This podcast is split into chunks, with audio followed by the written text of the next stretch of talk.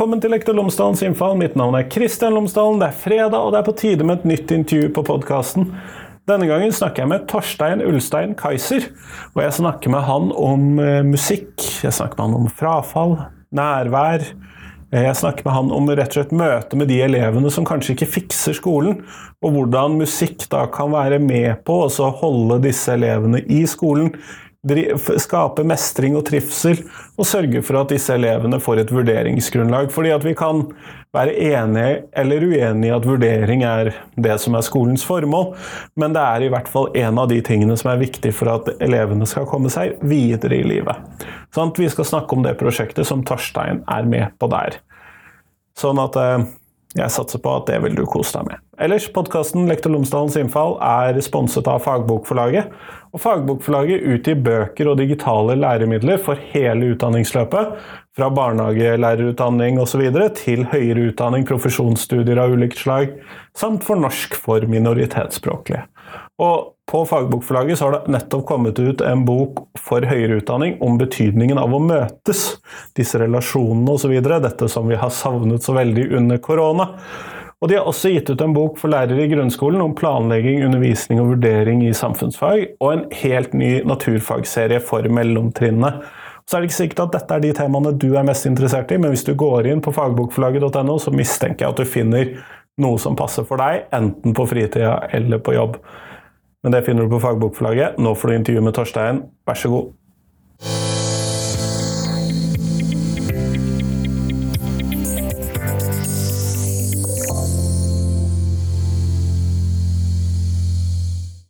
Torstein Ulstein Kaiser, tusen takk for at du har tatt deg tid til meg i dag. Takk for at jeg fikk komme. Sånn Før vi kommer ordentlig i gang, så må du nesten fortelle lytterne mine tre ting om deg selv, sånn at de kan få bli litt bedre kjent med deg. Jeg kan jo begynne med å si at jeg kommer fra Drøbak. Samme sted som meg. Ja, det er det det er, vet du. Så, så det har vi til felles. Og så har vi et par andre ting til felles òg. Du har vært på Dagsnytt 18 med mutter'n. Ja, Faktisk. det har jeg faktisk. Ja. Og seminar med min fru. Det har jeg også. Ja. Rart hvor liten verden er, sånn sett. ja, det er jo egentlig det. Men det her er første gangen jeg møter deg i virkeligheten. Um, og så har vi hatt litt kontakt nå i vår i forbindelse med lærerkonferansen som skal være i høst. Som jeg er med å arrangere. Og der skal du være booka inn som konferansier. Og det er en konferanse som handler om eh, inkluderende læringsmiljø i skolen. Det er jo litt av det som jeg skal snakke om òg. Det er jo det. Eh, og det er jo rett og slett fordi at eh, hvis vi bare hopper rett dit, da, så Ja, har, har du et prosjekt der på arbeidsplassen din som handler Mm. om nettopp inkluderende arbeidsmiljø. Kunne du starte med å si litt om det? Ja, jeg kan gå bare egentlig rett på det. Jeg har tidligere jobba innenfor eh, barnevern og kulturarbeid i kommunen. Og så har jeg nå de siste tre årene jobba som los i ungdomsskolen. Og det er en, eh, en politisk satsing fra Bufdir for å redusere frafall i skolen. Og det er noe som blir løst på forskjellig måte i forskjellige kommuner. Og i Askøy kommune, der hvor jeg jobber, så har det blitt løst med å ha musikktilbud i ungdomsskolen. Som blei satt i gang av en engasjert rektor. Ofte sånn det er med sånne prosjekter. Ja, et eller annet engasjert menneske, gjerne igjen med litt makt. Ja, det er akkurat det, da. Sånn, sånn. Og da, da kan sånne ting bli mulig, ja. også med noen prosjektmidler. Da. Så har jeg og min kollega Pia um, Hei, Pia. Vi har, jeg lovte jeg skulle nevne henne. Um, vi har jobba nå tre år med et musikktilbud der.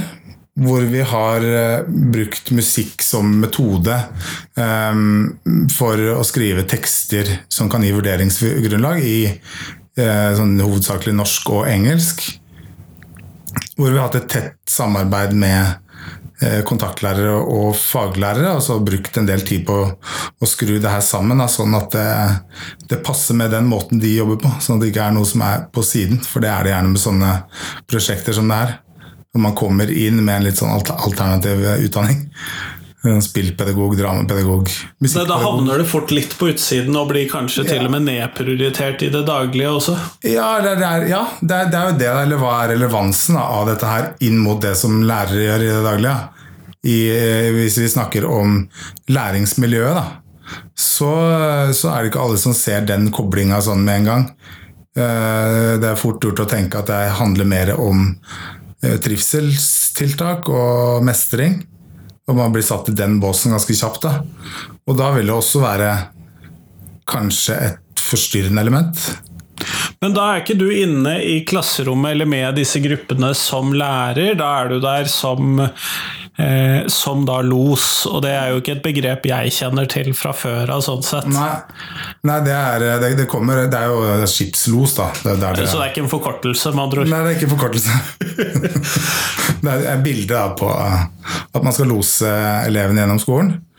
Og eh, den, den måten som som vi har funnet, da, som, er, eh, som, faktisk bidrar til at de kan komme seg gjennom skolen. Ikke bare at de skal trives bedre i de tre årene de er på ungdomsskolen, men komme seg videre og begynne på videregående.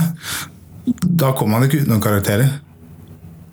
Nei, for du må klare å få de opp på et tilfredsstillende høyt nok nivå, tenker du på? Nei, du? egentlig ikke akkurat det. For det kan hende at de er på et veldig godt nivå. Det kan hende de er på et høyt nivå.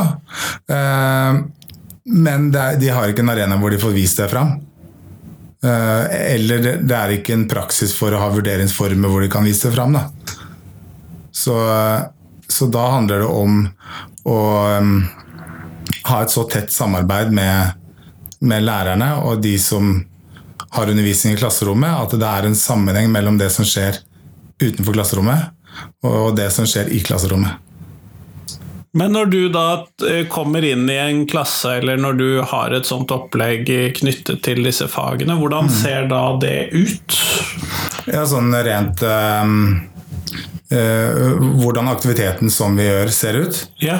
Um, da må jeg først tror jeg bare fortelle hvem, hvem det er jeg jobber med. Ja, gjerne det. Ja, um, det er jo sånn at i, hvis du har vært innom en ungdomsskole i løpet av de siste 10 eller 20 årene Jeg har det! Du har det? Ja. ja der er det, det er ikke alle som er inne i klasserommet. Det er noen som er utafor. Som gjerne går i, under betegnelsen gangvandrere. De har jeg hørt om. Du har hørt om det, jeg har til og med sett det, ja. ja ok. Har dere det på videregående? Du... Eh, veldig lite der, men ja. jeg har jo vært innom ungdomsskoler både som praksisveileder eller mm. som praksisøvings... Uh, ute for å kontrollere studenter. Okay, ja. Og så har jeg jo vært der og sett hvordan min kone jobber, som jobber i ungdomsskolen osv. Gangvandrere har jeg god kjennskap til. Ja, det, det er jo noe som er som kan være ganske sånn stort problem, kan man si, da, i, i ungdomsskolen. Både for, for, de som jobber der, og ikke minst for de som er gangvandrere. Eh, de er jo på skolen, og det er ikke så mye skulk sånn som det var når vi gikk på skolen som, eh, som nå. Det er mer sånn altså Hvis noen er borte fysisk fra skolen, så blir jo helsevesenet kobla på. og det er veldig alvorlig med en gang. så er, For de fleste så er, så er, det ganske uaktuelt det å være helt borte fra skolen. Men de kommer til De kommer på skolen, og, og de er der. Men, men de, er, de, er, der fysisk, men ikke psykisk, egentlig. De, de, gjør det de kan for å blokke ut det de er i. Ja. Så det er ganske sånn og går da og henger i gangene, snakker med kompiser hvis det er noen der? Nei, det er ikke nødvendigvis deler, da. Det, det, kan være det at de bruker mesteparten av eh, energien faktisk sånn, på å, å, blokke ut det, de, det som de, de, omgivelsene de er en del av.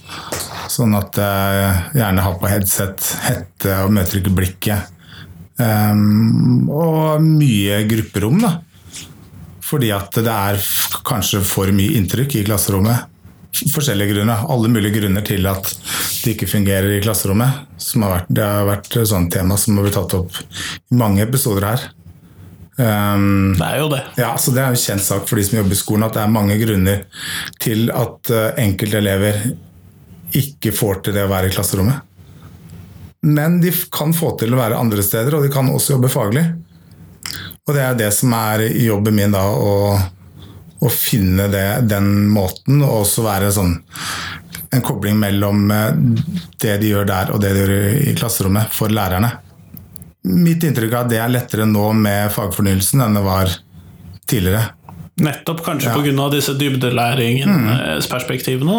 Ja, at eh, det er noe som de fleste forbinder og estetiske fag med mange av de begrepene som blir brukt mye i den eh, i fagfornyelsen. Så kanskje de fagene blir tatt mer seriøst. Jeg vet ikke hva som er grunnen til det, men, men det er, jeg tror det er lettere nå å få til noe. da.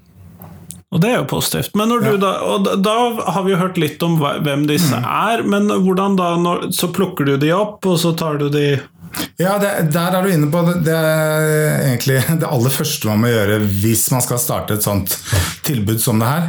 Man må jo plukke de opp. Og øh, sånn at Jeg begynte jo der i 2019, og det var det første vi måtte snakke om da, var hvordan plukker vi det opp. Eh, og da er det jo en av retningslinjene, er retningslinjer for sånne ordninger som det her, det er jo at det ikke skal bli en stigmatisert gruppe. Så det å plukke ut alle som er i gangen, eller som ser sånn og sånn ut, det, det er ikke helt innafor. Heldigvis, kanskje. Det, det er jo lett å le av dette, og, men man har jo alle disse historiene fra 60-, 70-, 80-tallet om denne typen gruppeinndelinger som Ja, skolen ser jo, fortsatt, ser jo helt lik ut som man gjorde for 50 år siden. Så, så det er jo også eh, lett at, eh, at man tenker sånn, da.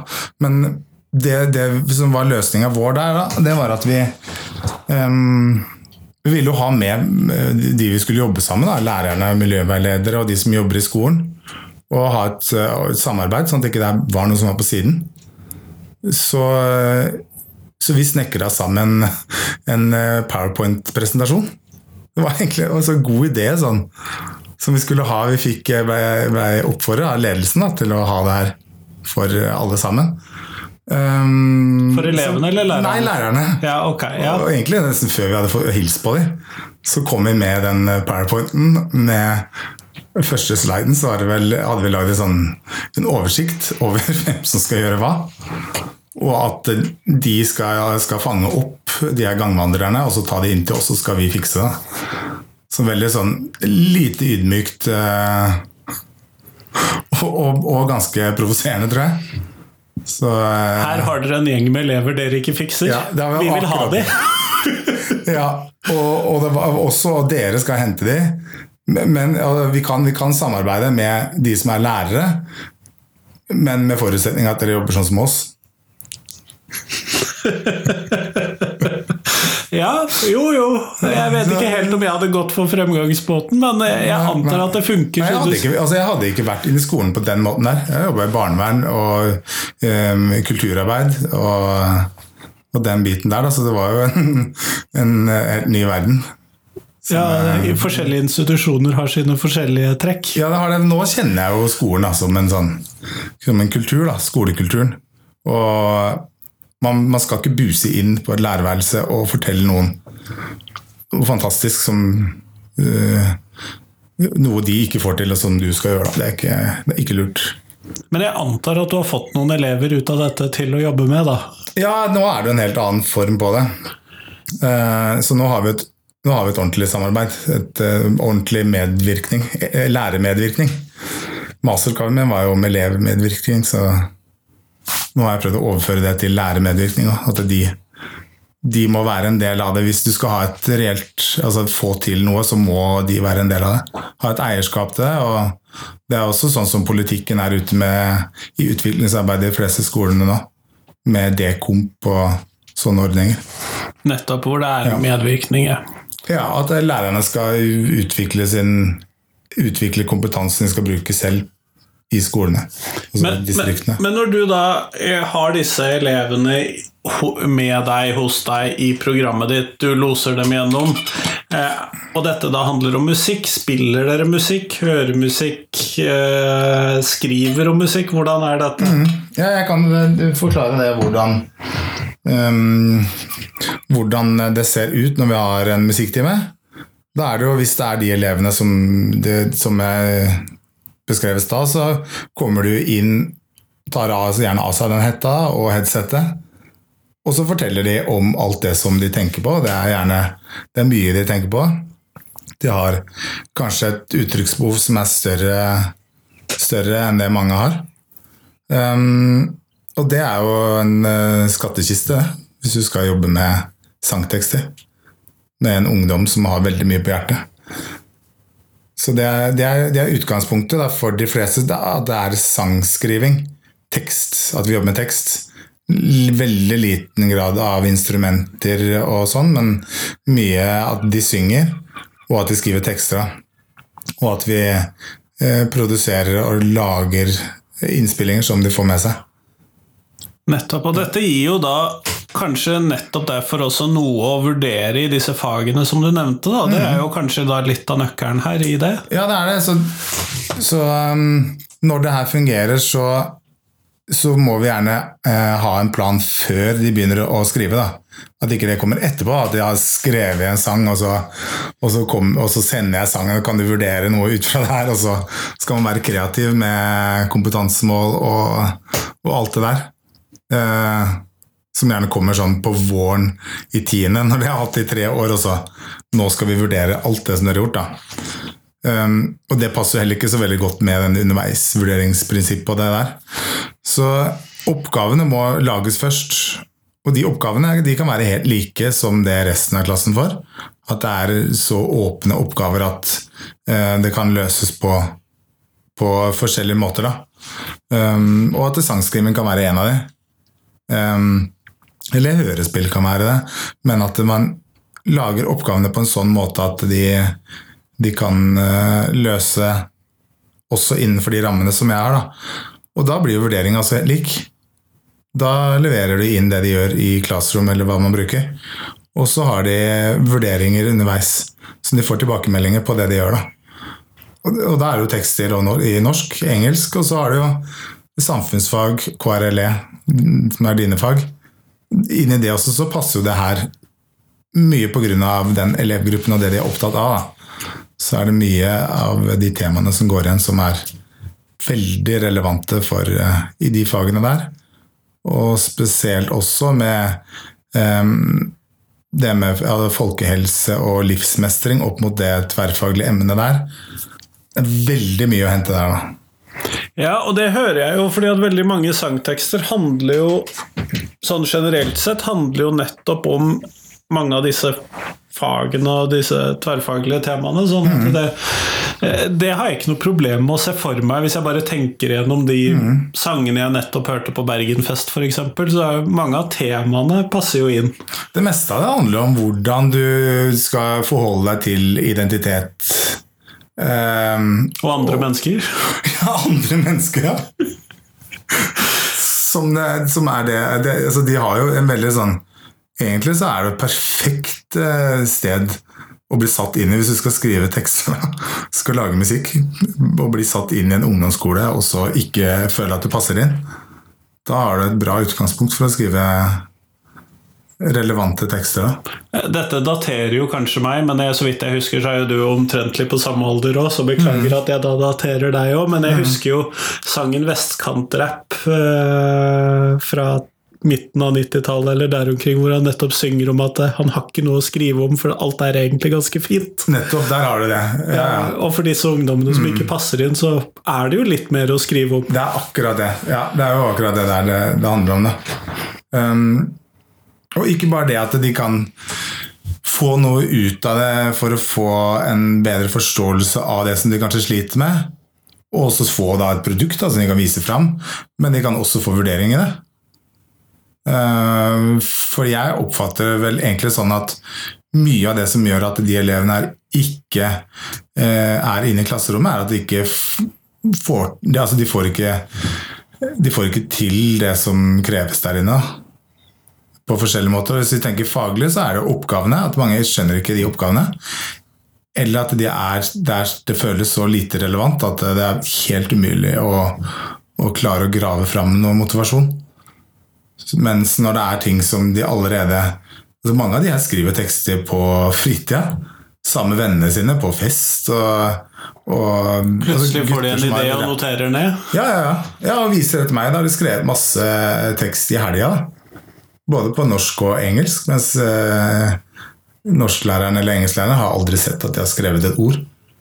Så, så det, det, det, det, er veldig sånn ressursorientert, da, at man putter det inn i skolen. Men det er vanskelig å få til det for en lærer som er aleine med en hel klasse, og så har du et par stykker da, av de elevene her. Som da skiller seg ut? Ja, som trenger den, som trenger den tilnærmingen som vi snakker om nå. Um, Jeg vet ikke hvordan man skulle gjort det som en lærer når du har Og det er jo også noe som Alle sier jo det. det ingen, ikke som jeg har hørt om, hvert fall, at noen har knekt den koden der. Um, så da er det jo det at noe må være Det må være noe i tillegg.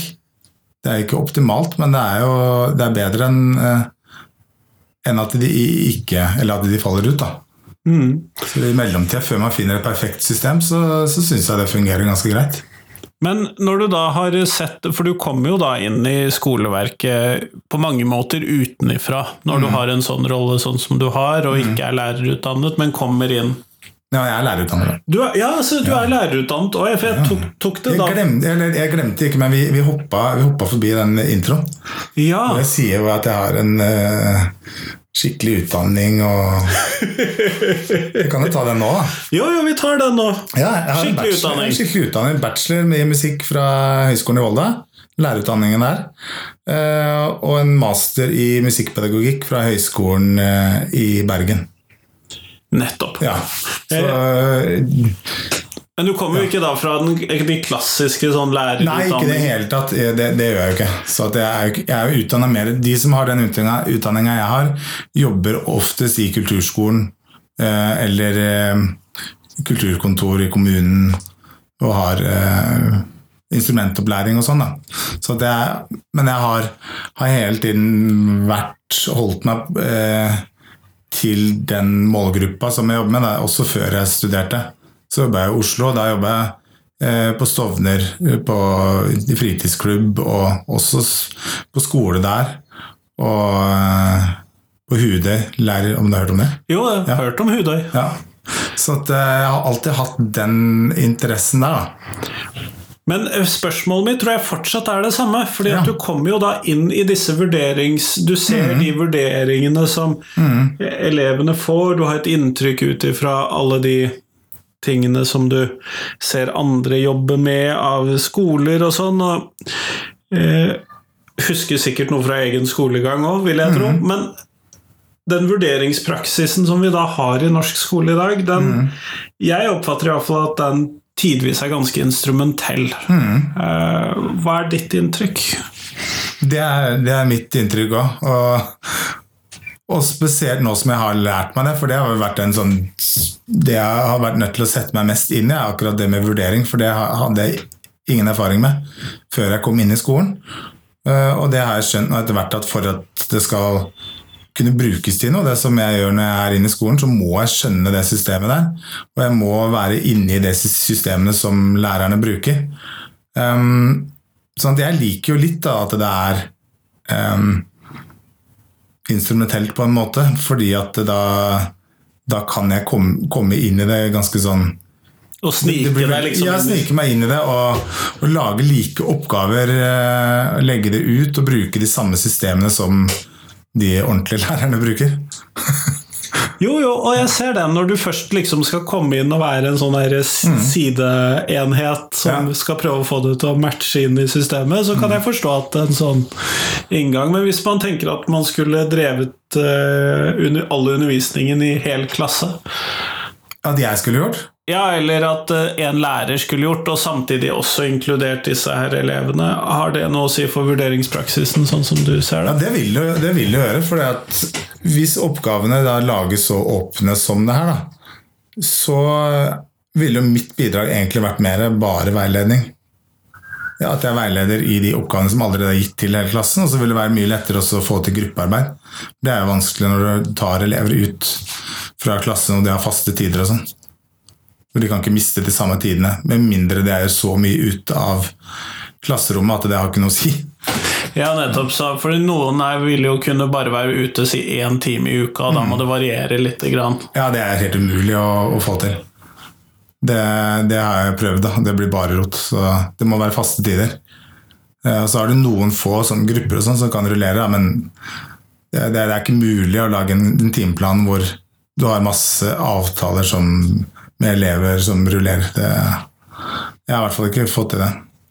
Nei, og det kan jeg se at det er vanskelig, men hvis vi da tenker på dette her med å få For dette er jo en elevgruppe som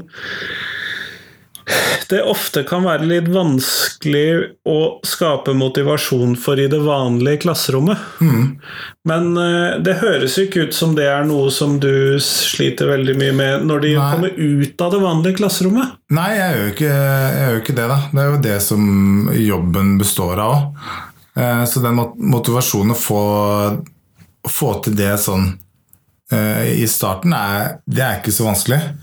Men å holde det oppe over tid, det kan være en altså da må, Man må anstrenge seg for å gjøre det. For at det kan være noe som er veldig interessant den ene uka, og så er det ikke så interessant uka etter. Mister de, så detter de litt sammen. da. Så det er å holde det relevant, det er jo det som blir eh, måten å eh, holde motivasjonen oppå. At det er um, Og den måten å gjøre det relevant på, det handler om det er medvirkning. Ja. Så um, jeg kan aldri ha noe som jeg har planlagt på forhånd. Ingenting. altså det er, Sånn er det for de fleste lærere, men jeg kan ikke ha noe. Det må være, det er på deres premisser. Så, så vi starter gjerne med å høre gjennom spilleliste. Um, det er noe som alle har. Um, og da er det alltid noe å ta tak i der, da. Som er også bra, veldig bra utgangspunkt for å bli kjent. Um, og for å ha diskusjoner som, som de føler relevant. Da. At vi møtes og får noen like referanser. Men det høres jo ut som disse ungdommene nesten må være musikalske, eller er ikke det? Nei, det, nei da, det er ikke det. Um, Og da med musikalsk en- så mener jeg selvfølgelig at de kan spille instrumenter, eller kan Ja, sånn, synge, nei, eller nei, nei, ikke i det hele tatt. Det er mange som ikke gjør noe av det. Det er mange som bare skriver tekster. Det er det, så, så det, um, Da må jeg hjelpe dem altså med hvordan man lager en form på det. Og det er jo det, er jo det vi holder på med, da, at de skal lære noe. Det er ikke det at de skal lage et produkt som de skal bli ferdig med å vise fram. Så det er mange som ikke Eller de fleste viser ikke fram i noe sånn på en scene eller legger det ut og sånn. da. Men ehm, de lærer å skrive tekster, så jeg tenker jo at det er sikkert en del av de som kommer til å vise det fram seinere.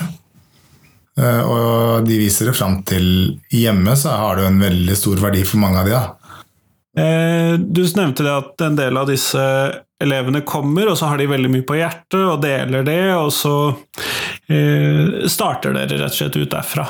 Men gjelder det for alle disse elevene, eller er det noen sånn forskjeller i disse elevgruppene eh, som kommer til deg?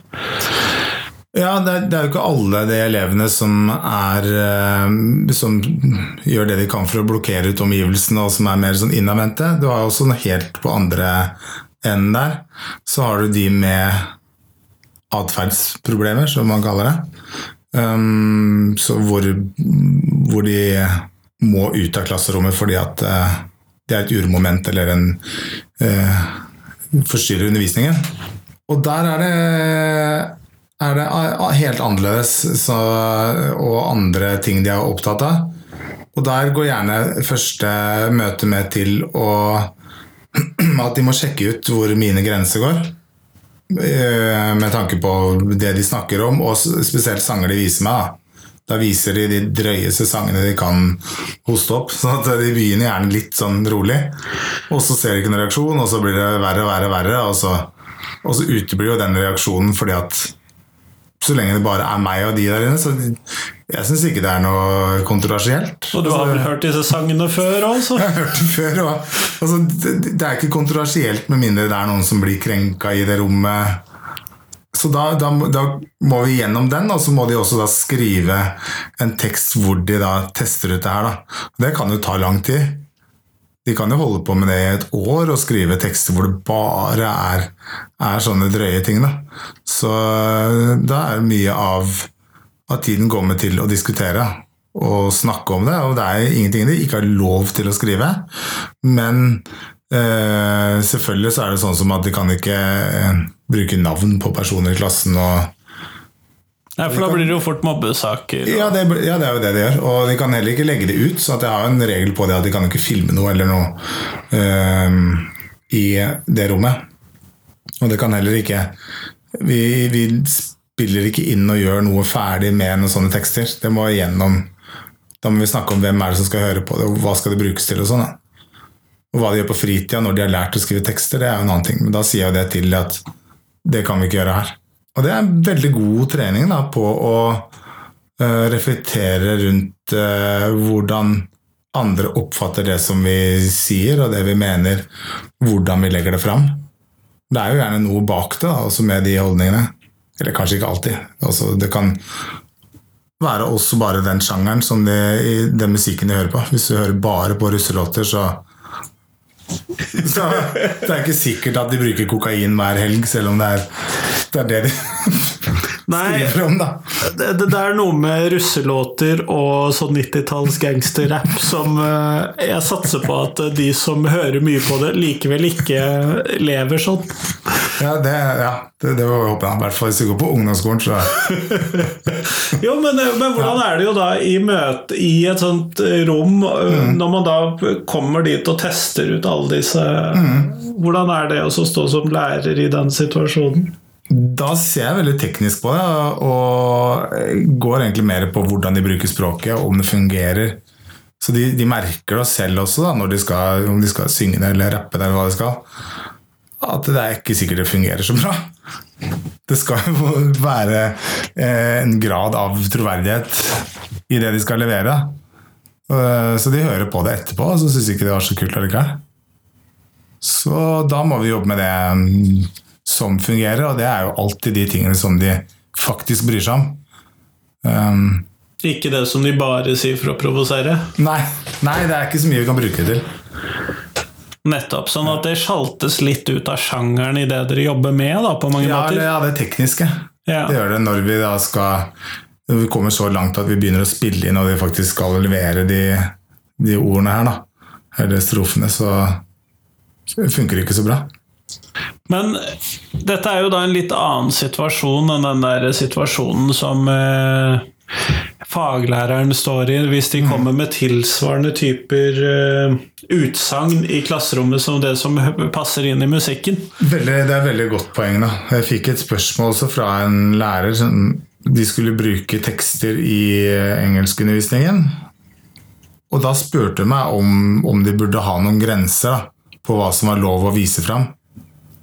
Um, og der burde man ha grenser, mener jeg. Der skal det ikke være sånn. Det, det, altså, det, det er eh, Det må jo være et eh, minnefelt, og så invitere til Felles visning av sangstad. ja, ja. Nei. Så det må, det må gjøres et sted så, så trygge, trygge omgivelser, da. Hvor det går an å snakke om det uten at noen blir krenka og støtta av det, og heller ikke at de har noen der som de kan støte. At de ikke blir, blir eh, som trigga av det. Ja, fordi at du har jo da mer kontroll når du har færre elever i en sånn situasjon. Ja, ja, klart og Jeg blir heller ikke trigga av det. Jeg reagerer ikke på det. Men jeg ville sikkert gjort det hvis jeg hadde stått i en klasse med andre som jeg visste reagerte på det. Da må jeg forholde meg til det på en annen måte. Men det er jo det at de ser også at jeg ikke reagerer på det, og da er det jo heller ikke Da er det ikke så gøy. Det er jo ikke det. Men jeg reagerer jo på ting som er bra, da. Og ting som jeg oppfatter som ekte og troverdig, så da går det kanskje mer for den løsninga. Nettopp. Jo, men, og det gir jo for så vidt mening, men eh, kan ikke det da være en utfordring for eh, klassemiljøet i den gruppen du er i, selv om du har eh, en mindre gruppe? Eller, eller er klassemiljøutfordringen i en sånn gruppe som det du sitter på, større ut mot resten av skolen enn det det er internt i en sånn? Jeg er ikke sikker på om jeg forsto spørsmålet helt, men, men eh, de elevene som vi snakker om her, de, jo, de er synlige i eh, elevmiljøet. Og, og er jo en del av skolemiljøet og også mange sånne eh, skolemiljøsaker. At de er blanda inn i det. så det er jo, På en ungdomsskole så er det mye, mye, veldig mye dramatikk. Og det er jo de elevene her en del ut av. Så det er jo også noe vi snakker masse om. da. Det er sånn intriger, saker og sånn. Da prøver jeg å dytte det over på Pia, men eh, det er ikke alltid hun er det. Nei, eh, og intriger er jo en del av ungdomsskolen, det er jo det. Det er det, og det er også bra stoff å skrive om. da. Jeg opplever jo at videregående har veldig mye roet seg, i hvert fall de elevene som jeg tradisjonelt har fått. Ja, ja det er nok en eh, annen, annen type arbeid. Det er ikke alt som blir faglig, så jeg kan heller ikke Jeg kan ikke pushe det for hardt heller, det med den fagligheten. Da. Det må være der, det må være i bånn, men noen av timene går med bare til å snakke om sånne intriger òg. Fordi at det er det som oppleves som relevant? Det er relevant, og så er det også det de må snakke om for å komme videre, sånn at vi kan skrive noe. For vi pleier å bruke det vi har snakka om når vi skal skrive, da. Nettopp. Mm. Så det er jo egentlig altså det er jo en del avskriving av det. Men disse prosjektene her, de For du snakket i stad om at man kunne sitte og jobbe med dette her et helt år, og jeg må jo innrømme det at jeg er litt vant til at skolen den varer eh, en måned av gangen, eller et halvt år av gangen, eller et år av gangen, men ikke noe lenger enn det. Nei, nettopp. Men, men du sa at nå, her kunne man sitte da og utforske og utfordre deg i et år. Ja, ja, og der tenker jeg det med fagfornyelsen, det som ligger i den, kommer inn, da. Og jeg tror det var i en av de episodene hvor vi snakka om hvilket ord som var brukt flest ganger i, i, i fagfornyelsen. Den overordna delen. Altså det, det, var utforsking. Um, det er jo Og som selvfølgelig er en knytta opp mot med dybdelæring. Å jobbe lenge med, med temaet. tema. Sånn at de oppgavene, det, det som vi snakka om i stad, og de oppgavene vi lager, de åpne oppgavene her, da, de kan jobbes med i tre år og bli vurdert som en del av uh, i et fag, da, med underveisvurdering. Har du noen eksempler på sånne oppgaver? Ja. Um, Eller resultater, var, kanskje? Ja, det kan jeg jo. Vi hadde jo en som um, hvor vi tok, tok utgangspunkt i et kompetansemål i norsk, hvor man skal bruke uh, litterære virkemidler og utforske en sjanger. Og at de da kan velge hvilken uttrykksform de skal bruke. Da. Så det kan være eh, en sangtekst, men det kan også være hørespill eller en oppsetning eller hva som helst. Og eh, nå i, i, vår så var det noen som skrev en, et hørespill hvor de gjorde om eh, Bukkene Bruse-eventyret. Og så har de elevene her nå lagd sin variant, som er Eh, de har bytta ut bukkene med emoer. Så det er de tre emoene. Og de, på Badeland så skal de i svømmehallen og lære seg å svømme. Um, hvor de da møter en, eh, en svømmelærer som er veldig, veldig sånn hyggelig og, og, snill og grei. Helt til hun får vite at de ikke har tenkt til å dusje. Og da eh, sier hun på en vennlig måte at hun ikke ville ha møkkete emor i bassenget sitt.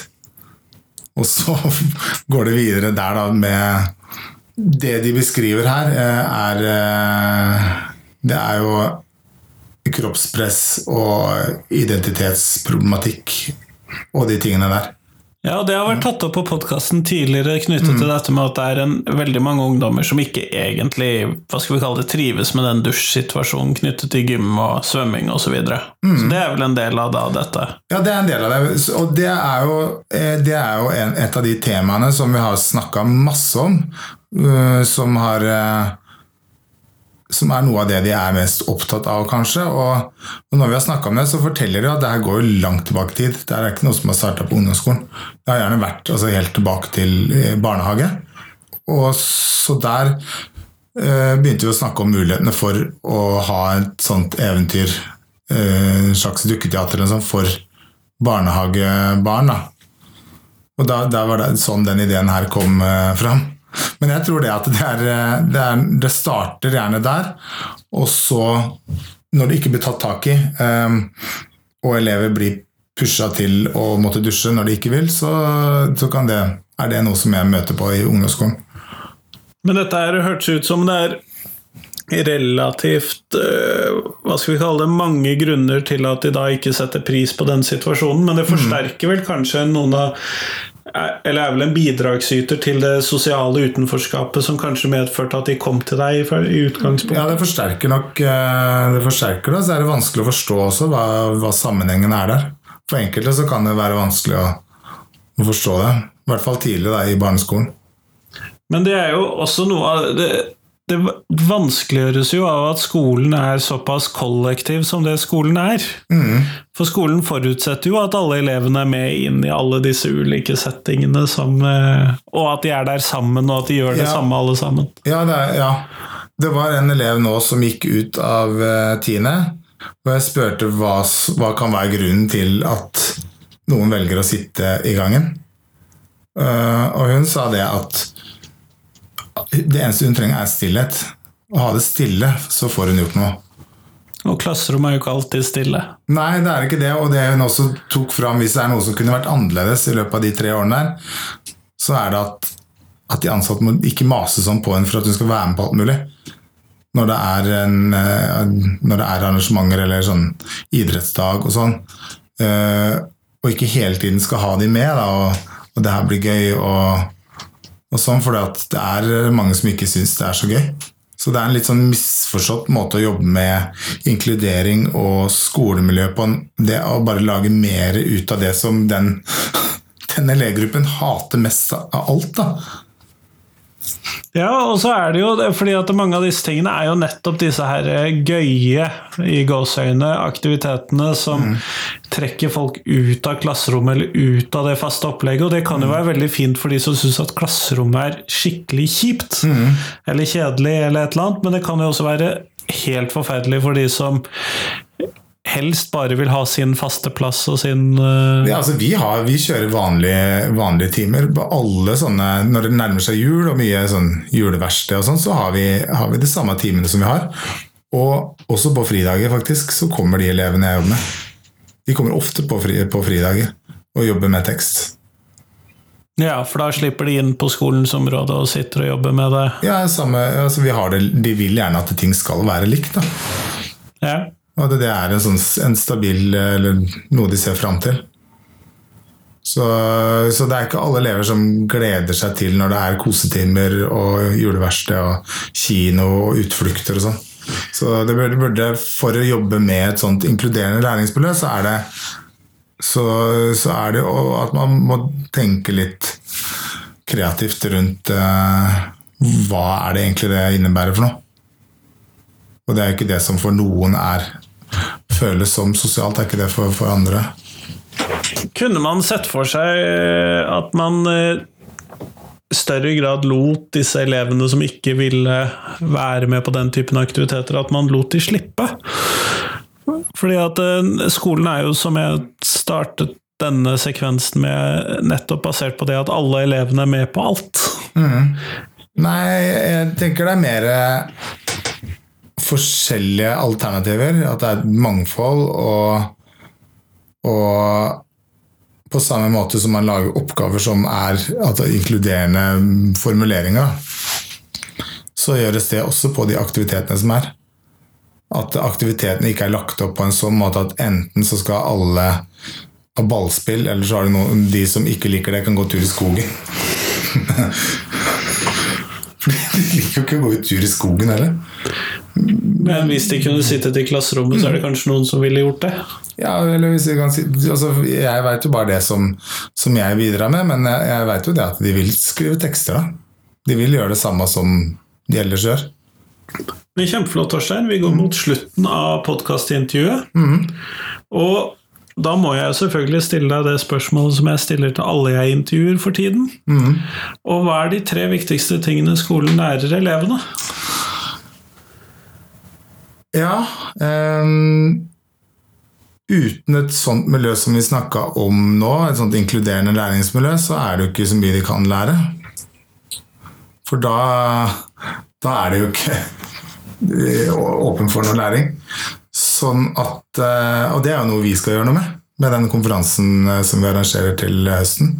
Da skal jo lærerne få en mer kompetanse på det her. Hva gjør vi med elever som, eh, som har behov for Eller ikke som har behov for, men hvordan kan vi inkludere på en bedre måte for alle elever? Det er jo det det handler om, da. Så man må jo begynne der. Eh, og så for elevene så er det jo at vi kan fortelle hvorfor de er på skolen. Hvorfor vi har en skole. eh, og litt historisk. Da tenker du på noe mer enn bare fordi at vi har sagt at det skal være sånn? Ja, ja, jeg tenker på at de skal få hele historien. da. Det er jo en historie her som ikke er sånn superlang, men det er jo en uh, interessant historie som vi som er opptatt av det her med skoleforskning og skolehistorie, sånn, som, er, som jeg tipper mange av de som hører på den podkasten er opptatt av, så er det en veldig interessant historie uh, som forteller om noe som ikke har gått så innmari bra, egentlig. Og at det er, det er resultatet av at de, de sitter der.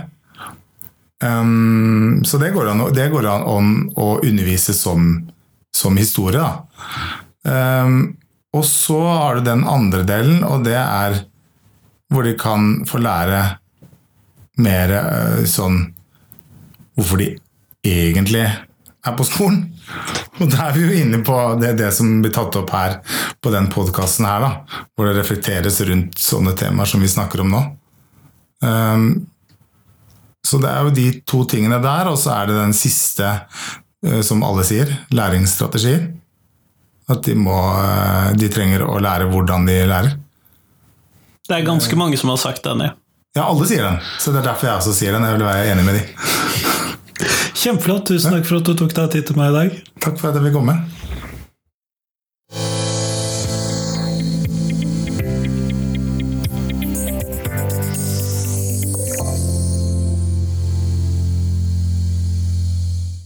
Tusen takk til Torstein, og tusen takk til deg som hørte på. Nå er det fram til tirsdag, så kommer det et nytt intervju på podkasten. Og det gleder jeg meg utrolig til. Som vanlig, jeg syns dette er kjempegøy. Og jeg får snakke med så mange mennesker som brenner for ting, som kan ting som jeg ikke kan. Og som jeg gleder meg alltid til å dele med dere som hører på. Og så setter jeg utrolig stor pris på dere som er lojale lyttere på podkasten. Jeg mistenker at podkasten ikke hadde vært det samme, kanskje ikke til og med hadde eksistert lenger, hvis ikke det var for alle dere som hører masse på podkasten min. Og nå i juni så hadde jeg all time high suverent på podkasten, sånn at eh, det tror jeg blir vanskelig å toppe. Men eh, vi må jo prøve. Men over 26 000, 27 000 innspillinger i løpet av en måned, det er nok litt vanskelig å toppe på en stund. Men veldig, veldig gøy for en tallnerd som meg. Men det er jo ikke det viktigste. Det viktigste er faktisk den derre gleden over å kunne spre alt dette innholdet til dere, hjelpe dere med å finne det, få tips fra dere, høre fra dere, få ros, ris fra dere. Det er faktisk det viktigste. Så er tallene bare en boost oppå det. Men nå satser jeg på at du på tirsdag hører episoden min med Kajsa Kemi Gjerpe, og så høres vi da. Hei, hei.